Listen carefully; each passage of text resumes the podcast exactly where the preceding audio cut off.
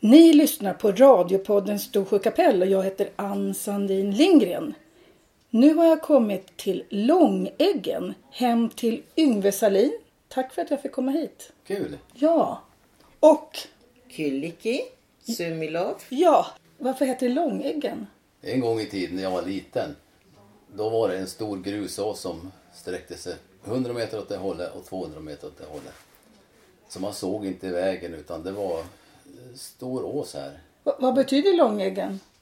Det var en lång ägg, en lång ås. En lång ås? Ja. Är du född här?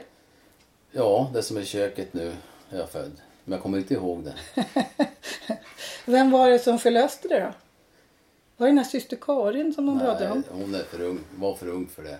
Det Är var, du- det var någon annan som förlöste, Det- men jag kommer inte ihåg vad hon hette. Ja. Men hon hade anknytning till byn. Får man fråga hur gammal du är då? Jag är 70. Du är 70, det är bra. Om ni hör lite ljud här så beror det på att nu är det påskhelg och det är fullt med människor här i, i huset va? Ja, det är barn och barnbarn och hundar och katter. Hur många barn och barnbarn och hundar och katter har ni då? Jag har en katt.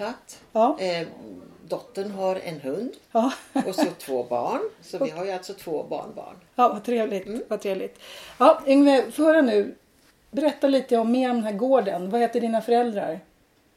Eh, Min mamma hette ju Edith. Och när jag föddes en gång i tiden då bodde ju morfar och mormor Sven och Johanna här. Plus tre morbröder. Heter de också Salin i De efternamn? hette Persson. Persson? De hette Svensson från början, bytte till Persson. Ja. Och hur kommer det sig att du heter Salin då? då? Ja, det är en lång historia. Ja. Som, eh, ja, jag fick det på köp i princip. Du fick det på köpet. Ja, Ja, det är en knepig historia. ja. Vad gjorde dina föräldrar? Min mamma var frisörska. Och vad jag förstår så klippte hon ju allas hår här i byn. Jaha, så hon kunde försörja sig som, fri- som frisörska? Ja, sen var hon ju i lagården Ja. morgon och kväll. Så jag förstår egentligen inte hur hon hann med. Och, Har du syskon också? nej, Du är ensam Ja. grabb? Ja. Ja. Och din pappa, vad gjorde han då? ja, det vet jag inte. Det höll i dunkel. nej, jag vet inte vad han Nej. gjorde för någonting. Jag träffade honom en gång. Okej. Men du växte upp här. Gick du i skolan här i, i byn? Ja, jag gick ju... Jag var sista person som gick sju år här. Jag var ensam ändå. Och då gick jag femma, sexan, sjuan i Ljungdalen. Var då ensammen? Det var bara jag härifrån. Aha! Det året. Och sen vad gjorde du efter sjuan, eh, sjuan då? Då var ju drömmen att börja jobba. Så jag jobbade i skogen en vinter. Du också? Tills jag insåg att det här var ingenting för mig. Och de som finns kvar därifrån det är ju Tyck och Åke Dahlsten. Alla andra är ju borta. Men, men, men det gjorde alla grabbar i den här byn egentligen. Man jobbade i skogen. Det var det jobb som fanns, eller? De flesta gjorde ju det. Ja. V- vad drömde du om då? Vad Jag började jobba. Det var ju... Tjäna pengar och det var bli ju det. vuxen. Ja. Men det här året insåg jag att det här var inte mitt liv. Nej. Jag ska göra något annat. Då började jag plugga igen då. Gillar du att plugga? Nej, inte då. Men sen har det blivit en livsstil. Ja. Men vad började du plugga då för någonting då? Nej, att, tanken var ju att ta realen, men den var ju slut då. Så det blev ju, vad heter det, enhetsskola. Just det, det var den här Så jag fick- mellanperioden där. Ja, jag fick gå innan sjuan, åttan, grundskolan. nian. Ja, just det. Jag fick gå sjuan, åttan, nian igen. Var någonstans? Svenstavik. Var du också inneboende som många här i byn var? Ja. Vansinne. Ja. Att man kan behandla folk så. Små barn Ja. egentligen. Ingen koll. Man åkte hem då varannan helg. Ja. Men det var ju ingen som hade koll på vad man gjorde. Nej. Hur, hur upplevde du det livet att att bo borta? Ja, jag klarade mig själv, men det här att det spelar ju som ingen roll vad man gjorde. För in, i, det var ingen vuxen som, som la sig i. Nej, och det tror jag behövs. Men, men skapade det osäkerhet eller liksom blev man, blev man eh, liksom extra bra på att ta hand om sig själv? Eller hur funkar det? Ja, jag tror faktiskt. Man måste ju ta hand om sig själv. Och sen då, när du pluggat t- tre år i Svenstavik? Sen flyttade till Västerås, gick en teknikerskola. Teknikerskolan? Ja, och det var ju då jag insåg vad, vad jag ville göra för någonting. Ett år då. Sen fick jag jobb i Stockholm direkt. Vad ville du göra för någonting? Jag jobbade med tekniska frågor, konstru- konstruera. Aha! Ja. Du, du konstruerar dig själv saker?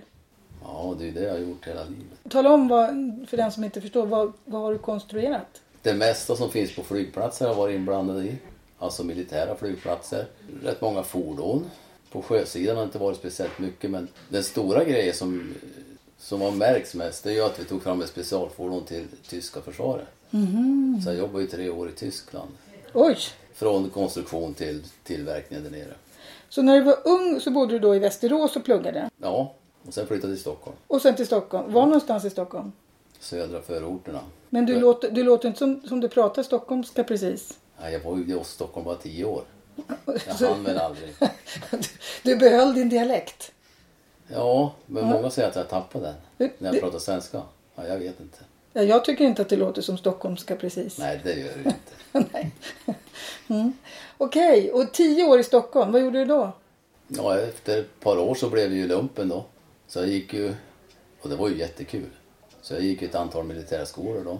Tänkte då ska jag bli militär. Men sen tog det här teknikintresset över. Men, men när du säger konstruera, berätta vad har du konstruerat för någonting då? Ja, det är fordon till försvaret, Vad, vadå fordon? Alltså det, pansarfordon var det inblandad i, bandvagnar, Eh, Jaha. specialfordon. nu, nu, nu vill en dam här tala om lite Ja, mer. Med broar bra- bland annat. Mm. Broar? Broar ja. Har du konstruerat broar också? Ja, så är det utfällbara. Aha!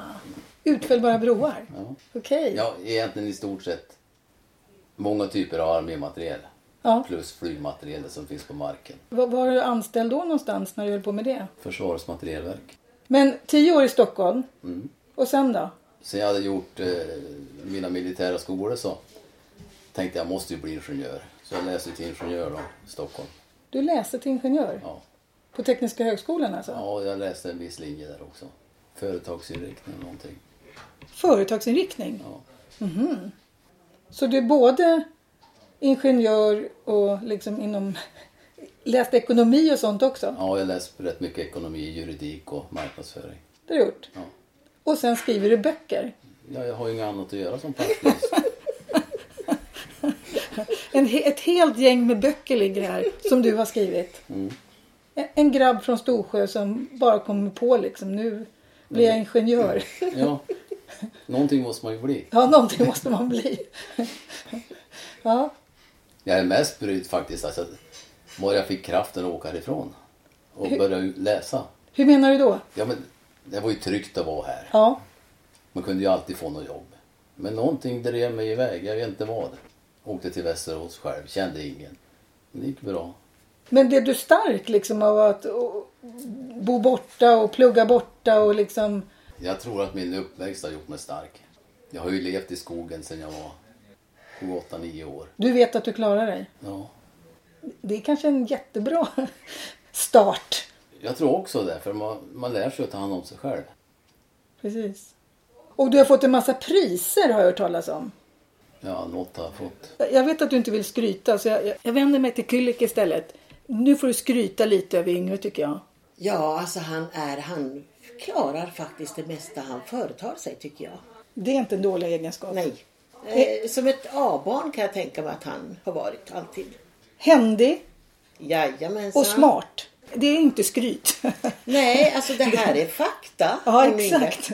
Ja. exakt. När träffades ni då? 71, Stockholm. Japp. Du är från Stockholm? Ja, jag är uppvuxen där. Ja. Mm. Men jag är född i Finland. Du är född i Finland och Ja. därför har det här häftiga namnet. Japp. Har du något smeknamn eller? Nej, en del, ja, en del säger Kylli. Ja. Men jag tycker bäst om Kylliki. Ja. Jag tycker det är finare. Heter man det så heter man det. Eller hur? Ja, jag heter ju exakt. Silja också. De har ju döpt båtar efter mig. Ja. har du rätt i. Vad är din första liksom, Storsjöupplevelse? För Oj! att Stock, när man då kommer från Stockholm och kommer hit. Ja, men det måste jag berätta då. 71, det var på sommaren, så åkte Yngve och jag buss upp från Stockholm till Funäsdalen. Och så kommer hans mamma Edith och så hennes dåvarande man Arnold och hämtar oss från Funäsdalen. Ja, alltså det var helt fantastisk tur hit. Du blir- blir nästan lite rörd. Ja. Därför att när vi kom över Flatruet och sen när vi kom och såg Ljungan, Ja, då grät jag. för det var så vackert. Ja. Ja, för det är det. Och då Sen kom, har ju jag blivit kvar liksom för att det är ju så helt ljuvligt ställe det här tycker jag. ja. Men, men, men ni bosatte er inte i Storsjö? Nej, Östersund. Ja, ni har haft det här huset hela tiden. Om man nu inte jobbar i skogen, gick det att bo här? Alltså gick det att försörja sig och bo i, i byn? Ja, alla som gjorde, bodde här Ja, men- försörjde sig ju. Så Jo, men de- det, det verkar ju som det går. Jo, men jag menar de flesta har ju någonting med skog eller skulle, skulle man kunna haft ditt yrke och bo här i byn? Nej, definitivt inte. Nej. Och speciellt inte de sista 20 åren. Det hade det ju inte gått. Många tror ju att det här med eh, internet och bredbandsuppkoppling och sånt kan rädda folk i glesbygd. Men man måste ju fortfarande träffa kunderna. Man kan inte sitta långt ifrån utan att träffa någon folk. Man måste iväg. Så efter Stockholm flyttade ni till Östersund? Ja. Och där jobbar du då också på Försvarets materielverk? Nej, då jobbar jag på det som är Saab idag. Aha. Fanns det Saab i Östersund? Och nu finns det. Aha. Vad gjorde du då? Konstruera grejer. Vadå, kon- vi måste bli mer, mer, mer konkret. Nej, Vadå men det- konstruera grejer? Det som finns på flygplatsen, det var ju Ja, det inriktningen. ja, just det. Och det behövde Saab också för de gjorde också... Ja. Ja, det är ju Saab är ju en stor spelare när det gäller flygplatsmateriel. Och vilka flygplan pratar vi då om? Ja, vi pratar om markmateriel, det som står på marken.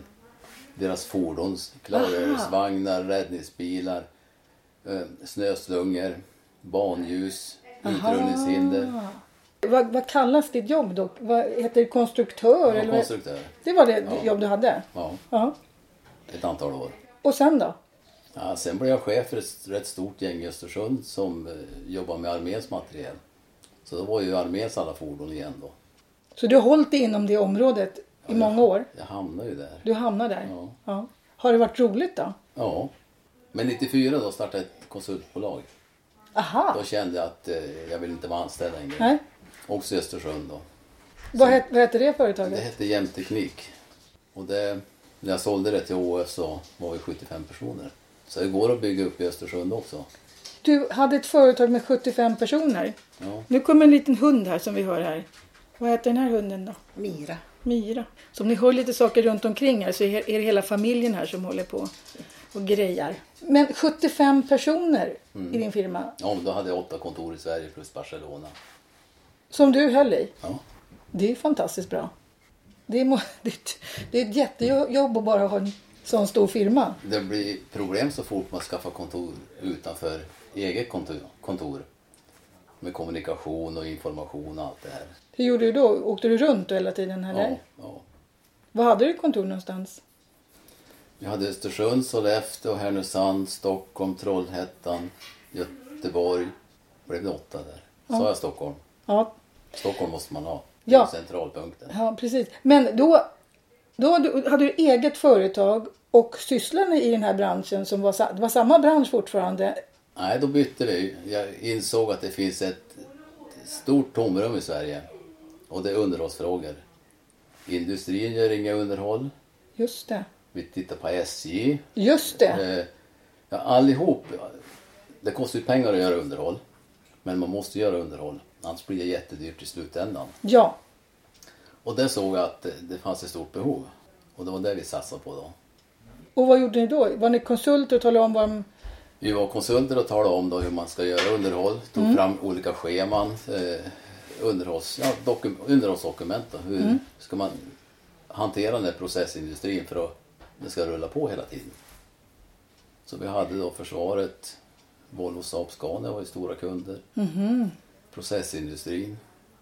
Ja, det var kunder från Kiruna till ja, egentligen alla världsdelar utom Oceanien och eh, eh, vad heter det? Jag vet inte riktigt. Antarktis? Nord- eller- Nordpolen. Nordpolen, precis. Eh, Arktis heter det. Arktis. Ja, så vi var i alla världsdelar. och jobbade. Mm. Så du har, du har rest runt? Ja, jag har mest jobbat Sverige, Norge, Danmark, Tyskland har jag varit rätt mycket i. Mm. Finland har jag varit i. Men du fortsätter jobba fast du är 70 bast? Ja, tacka för det. För du är egen företagare fortfarande eller? Ja. Så den här företaget är kvar? Nej, inte nu. Nu kör jag ett annat företag. Nej, det såldes till HF. Aha, Ångpanneföreningen. Ja. Så det är inte AF nu för tiden? Har de inte tagit bort den där ringen? Nej, nej, AF. det var HF. Som skånska och skanska. Mm. Jaha, så du sk- startat ett nytt företag? Ja. Vad heter det då? Nej, det är Långäggen. Du har, Det heter Långäggen. Ja, cirkeln är sluten. där. Så nu... och vad gör företaget Långäggen då? Jag skriver, jag vet inte, det är böcker men det är alltså riktlinjer hur man ska jobba inom försvaret. Med framförallt då riskanalyser, säkerhetsfrågor, Mm. hur man bygger upp kamper. Vad då bygger upp kamper? Vad är Eh, det för någonting? Ja, om försvaret ska ut till Afghanistan eller Mali. Mm. Vad har man för krav som gäller då? För man ska ha samma krav i Sverige, eller där som i Sverige. S- Ge exempel på några krav. Hur, sk- hur bor man? Ja. Hur ska sjukvården eh, organiseras? Hur ska man ta hand om sopor?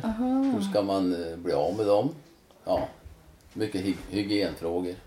Just det, för he- kampen ska sköta sig själv och inte vara beroende av någonting någon annanstans. Just det. Hur vet du sånt? Ja, hitta på. Nej men, Hur, hur... nej, men man får läsa på. Aha. Man måste ju intervjua folk. Det fi- försvar är ju stort. Det gäller att informera, eller informera sig från de som kan sånt där. Plus att läsa på regler som finns på ja, Arbetarskyddsstyrelsen bland annat. Men du måste vara duktig att skriva om du skriver böcker. Ja, det är konstigt faktiskt. Det ämne jag avskydde mest i skolan det var svenska. Så jag lärde mig ingenting på svenska. Nej. Och jag fattade ingenting om de här prepositionerna och adjektiv och sånt. Nej. Eh, grammatik är ju en sak. Ja, men det går jättelätt att skriva. När upptäckte du att du kunde skriva då? Ja, det har jag alltid kunnat. Men är inte det också fascinerande i den här byn? Alla dessa människor som egentligen är väldigt mycket klokskap och man är liksom arbetare från början men i själva verket sitter man säkert på massa såna här förmågor som man inte ens förstår. Det tror jag också. Det tror jag också. Det gäller att våga. Det gäller att våga. Ja. Kalle Söder sa, här är det bara en massa kloka gubbar. sa han. Han sa inte gummor, men han sa bara kloka gubbar. Så- Nej, men det, det är ungefär som det här med Sölvbacka strömmar, att man klarade av att ge sig på en sån stor grej. Och det var inte många invånare i byn då. Han var lite fler än nu, men det var inte många. Nej. Nu går jag till din kvinna här som får skryta lite mer. Varför blev han årets företagare? Han har ju blivit fått massa priser. Ja, därför att han var väl en av de som lyckades mest just då i, i Jämtland, skulle jag tro. Var Det här med att starta företag. Ja, alltså det hade vuxit så fort också.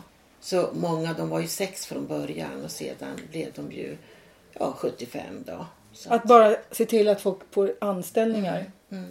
För det kan ju, i en sånt företag är det ju inte bara vem som helst som kan jobba. Då måste man ha rätt kvalifikationer som jobbar i din företag. Mm, det viktiga var det när vi anställde folk att vi tittade aldrig på utbildningen utan vi tittade på vad man kunde. Det var smart. Hur gjorde man det då? Första testet vi gjorde, det var de fick beskriva en, en musfälla. Vad är syftet med en musfälla? Alltså en vanlig sån här liten musfälla. Vad är syftet? Hur fungerar den? Och kunde man inte beskriva det, då var man inte int- intressant. Därför att alla de här människorna ska, skulle kunna beskriva saker och informera sig och förstå mekanik och Ja, teknik alla, eller? alla som vi anställer måste kunna hantera en skiftnyckel plus en dator. En skiftnyckel och en dator. Ja. Så vi var kända som det där gänget som kom med overallen under armen. Och datorer och sånt, har det varit bra med- på, på sånt också från början? Äh, Men man lärde sig ju. Man lärde sig. Ja, men det var ett grundkrav vi hade. Men be någon beskriva en råttfälla får du se. Jag, jag, jag fattar att det inte kan vara lätt alla gånger. Nej, det är inte så lätt. Jag tycker det är en enkel grej, men beskriva den. Då blir det svårt på en gång. Just det. Och din förmåga att kunna beskriva någonting pedagogiskt och bra. Ja. Du har inte bara vunnit ett pris. Nej, jag har haft tur att få fler. Ja, får, får, man, får man höra vilka då? Ja, det... Jag är riksmästare i pistolskytte. Va? Du, du... Ja. Var det därför du gillar militären? För att du är duktig att skjuta? Nej, det Nej. börjar jag med senare. Ja. Jag blev årets entreprenör i mitt Sverige. Tvåa i Sverige, så jag kom aldrig till final i Monte Carlo. Oj! Och så har jag blivit årets mentor, årets... Vadå årets mentor? Vad, vad, vad måste man göra för att bli årets mentor? Då hjälper man alltså andra företag att börja tjäna pengar Aha, och få ordning på sitt företag. okej. Och så har jag blivit årets företagare då i Östersunds kommun, årets tillväxtföretag. Men det var inte ägg, äggen? Nej, det var ju tidigare. Det var inte vi ensam. långäggen som vann Nej. tillväxt. Där är du ensam va? Där är jag ensam, Ja. ja. ja. Vad hette, för- vad hette det stora företaget som du hade? Jämteknik. Jämtteknik. Mm. Hur länge höll du på med det? Från 2004 till, nej 94 till 2007. Då såldes det till HF. Vad- Hade du fler pris? Nej, jag tror inte det. Vil- vilken gubbe du har. Jo, och ändå har vi hunnit med gemensamma intressen. Vi har ju tävlingsskjutit pistol båda två tillsammans. Jaha, Och jag, vad kul. blev- jag, han, har blivit, han har ju varit med på SM och jag kunde ha varit för att jag blev kvalificerad för SM då men jag tackade nej för jag ville sluta på topp. Ja. Och så ville jag ta hand om dottern lite bättre. Jag tyckte det var synd om henne att hon fick vara på de här sandhögarna och leka så mycket Ja. där när vi höll på och tävlade hela veckorna. Så att säga. Men sen har ni massa fantastiska andra egenskaper också. Vi har ju nyttjat din förmåga. Ja, jag var ju där hos er och letade vatten. Ja. Slagrutan. Hur lärde du dig det? Det var min svärfar som skulle ha en brunn på sitt sommarställe. Och det var ju intressant så han visade mig hur man skulle göra. Och du som var ingenjör, hur tänkte du då om slagrutan? Ja, men jag, jag, jag tror på sånt där. Ja, du gör det? Ja. Och jag har verkligen haft nytta av i, när jag drev jämteknik. För om man, på middagar, på lunch så började jag prata om det här med att leta vatten. Och det var massvis med folk som behövde hjälp att leta vatten. Så jag, i- runt Stockholm, jag, det är nog från Gällivare till Ystad har jag letat vatten. Men mest runt Stockholm. Vi var ju på Ja, jag Sollenkroka tänker på ö. det. Just det. Sollenkroka. Ja. Ja, det är ju nu ute i Ja, Stockholm. ja. Ja. Det var någon bekanta som har stugan ja, på högsta toppen. Ja. Och De skulle, folk runt omkring hade grävt efter vatten, grävt djupt, grävt dyrt. Jag tänkte jag går väl och kikar med slagrutan. Och mitt på toppen så var det en liten sänka.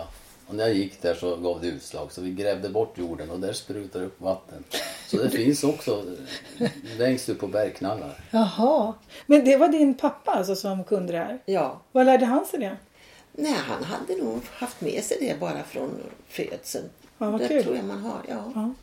Ka- Kan du också gå med slagrutan? Jag försökte men eh, det gick inte lika bra. Men däremot så kan jag gå med pekare. Ja. Så att jag hittar de här Hartman-linjerna som är på var fjärde Ja, du, ni kan meter. sånt? Ja. det kan ja. jag. Ja. Nu Så kommer att- hunden här igen. Så det är jätteintressant.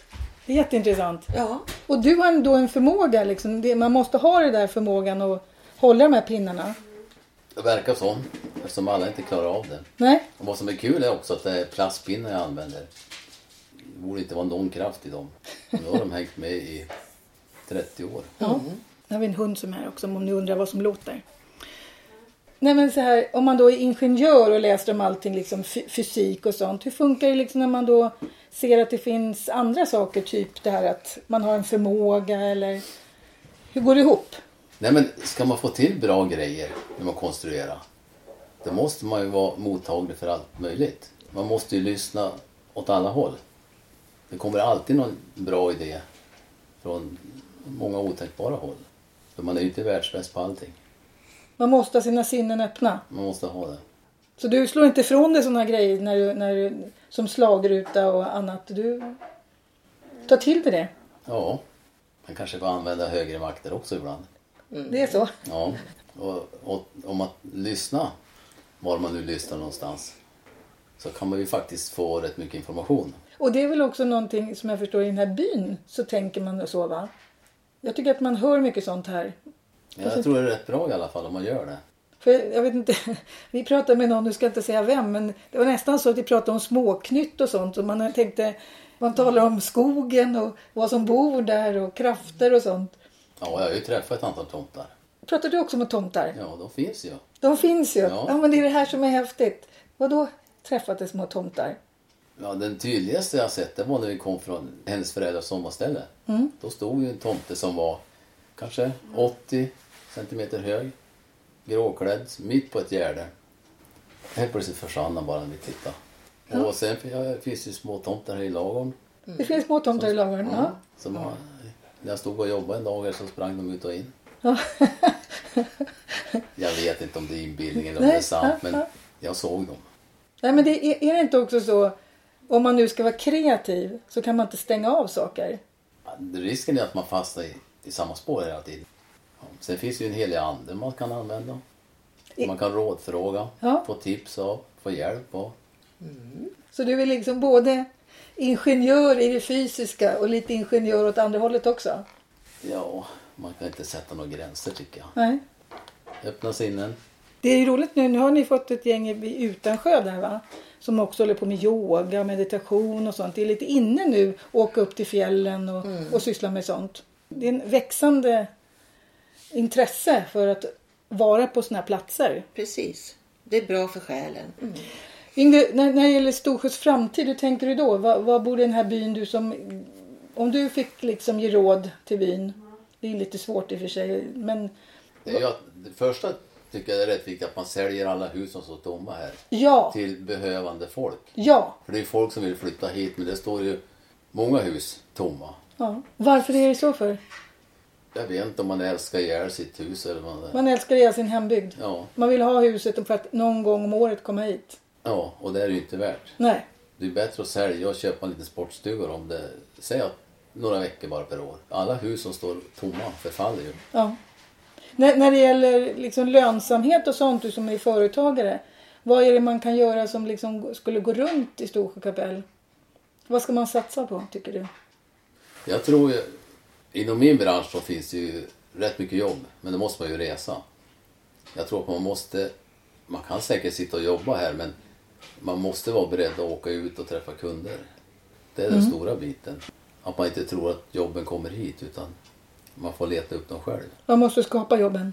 Ja, och framförallt leta upp dem. Man kanske måste bo i Stockholm några månader varje år. Men då har man ju övrig tid här då. Och det är ju så jag har levt egentligen. Jag har ju rest ja, två gånger i veckan någonstans för att jaga jobb. Träffa kunder, nya kunder. Och det är en, för jobben kommer ju inte till oss heller utan man fick ju jaga dem hela Man, tiden. man får skapa dem. Ja, Och sånt har du skrivit böcker om också eller? nej det har jag inte gjort. Men det här med mentor, om när, när du var mentor. Då gav du liksom tips till andra företag hur de skulle göra. Då måste man ju lyssna på vad har de för behov. Ja. Och det är inte säkert att det de vill ha hjälp med behövs utan det är kanske andra grejer. Så det, verkar, ju- det är ju att vara lyhörd för dem också. Många har, ja. Men stora bekymret som jag har upptäckt det är ju att man har svårt att ta kontakt med nya kunder. Det är svårt att lyfta telefon och ringa. Och det, Man måste gilla människor. ja, det måste man ju framförallt. Men framförallt ta kontakt. Och det är väl det stora jobbet jag har när jag är mentor. Mm. Försöka få dem att ja, åka ut och träffa nya kunder. Men ni, bo, ni, har- ni har er bos, eller fasta bostad i Östersund fortfarande? Ja. ja. Hur ofta är ni här? Så mycket vi bara kan. Mm. Vad innebär det? Ja, Alldeles för lite ja, det, egentligen. ja Vintertid blir ju sällan. det blir mer på sommaren. Ja. ja. Ni kommer till påsk. Nej, alltså vi kommer ju mycket oftare. Ni åker hit oftare än... Ja, men alltså ibland kan det ju vara alltså, två, tre gånger i månaden eller någonting sånt. Kan Alltså det så vara? ofta? Ja, men det var Ja, absolut. korta visiter bara. Ni gillar att vara här? Ja, och ser man utsikten från altan så förstår man ju det också. Ja, tala om vad, vad ser man från din altan? Inglasad altan?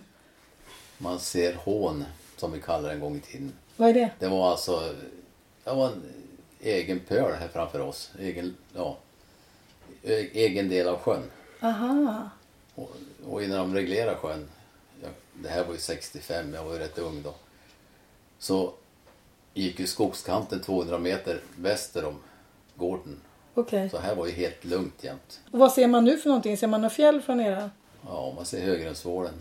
Det är väl allt man ser. Går man upp på taket kanske man ser några norrut också. Är ni också sådana som sitter och bara tittar? Man kan sitta och bara titta i timmar. Ja, konstigt nog så kan jag sitta i köksfönstret och titta. ja, visst kan man det? Ja. Ja, visst.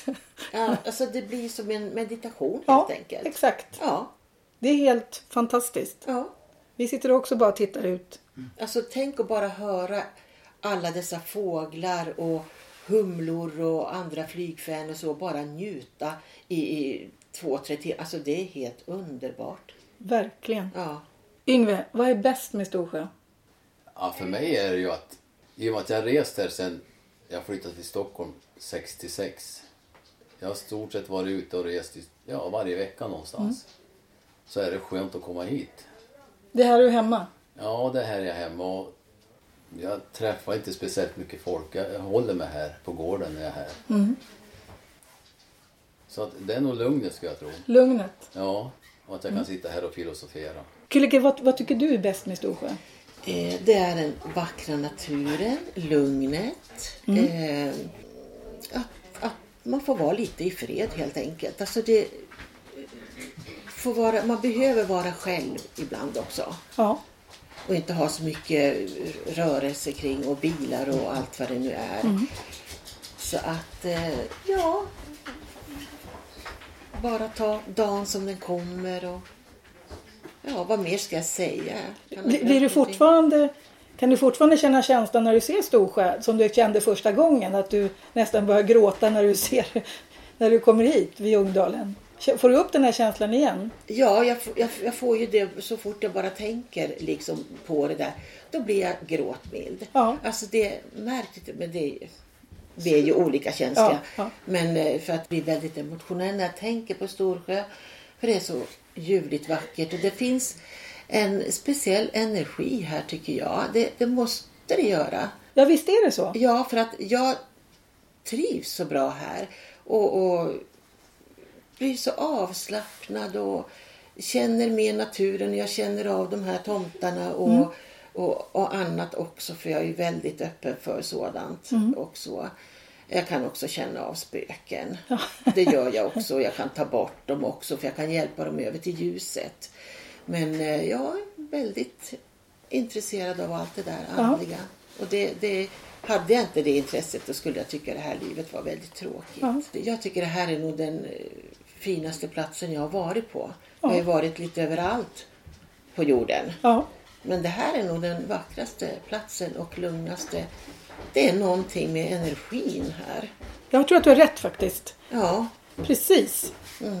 Och just nu är det lite liv här i, i huset. Ni har fullt med människor här. Så nu ska jag inte störa er mer på, på långfredagen är det faktiskt vi är här och, och, st- och stör er.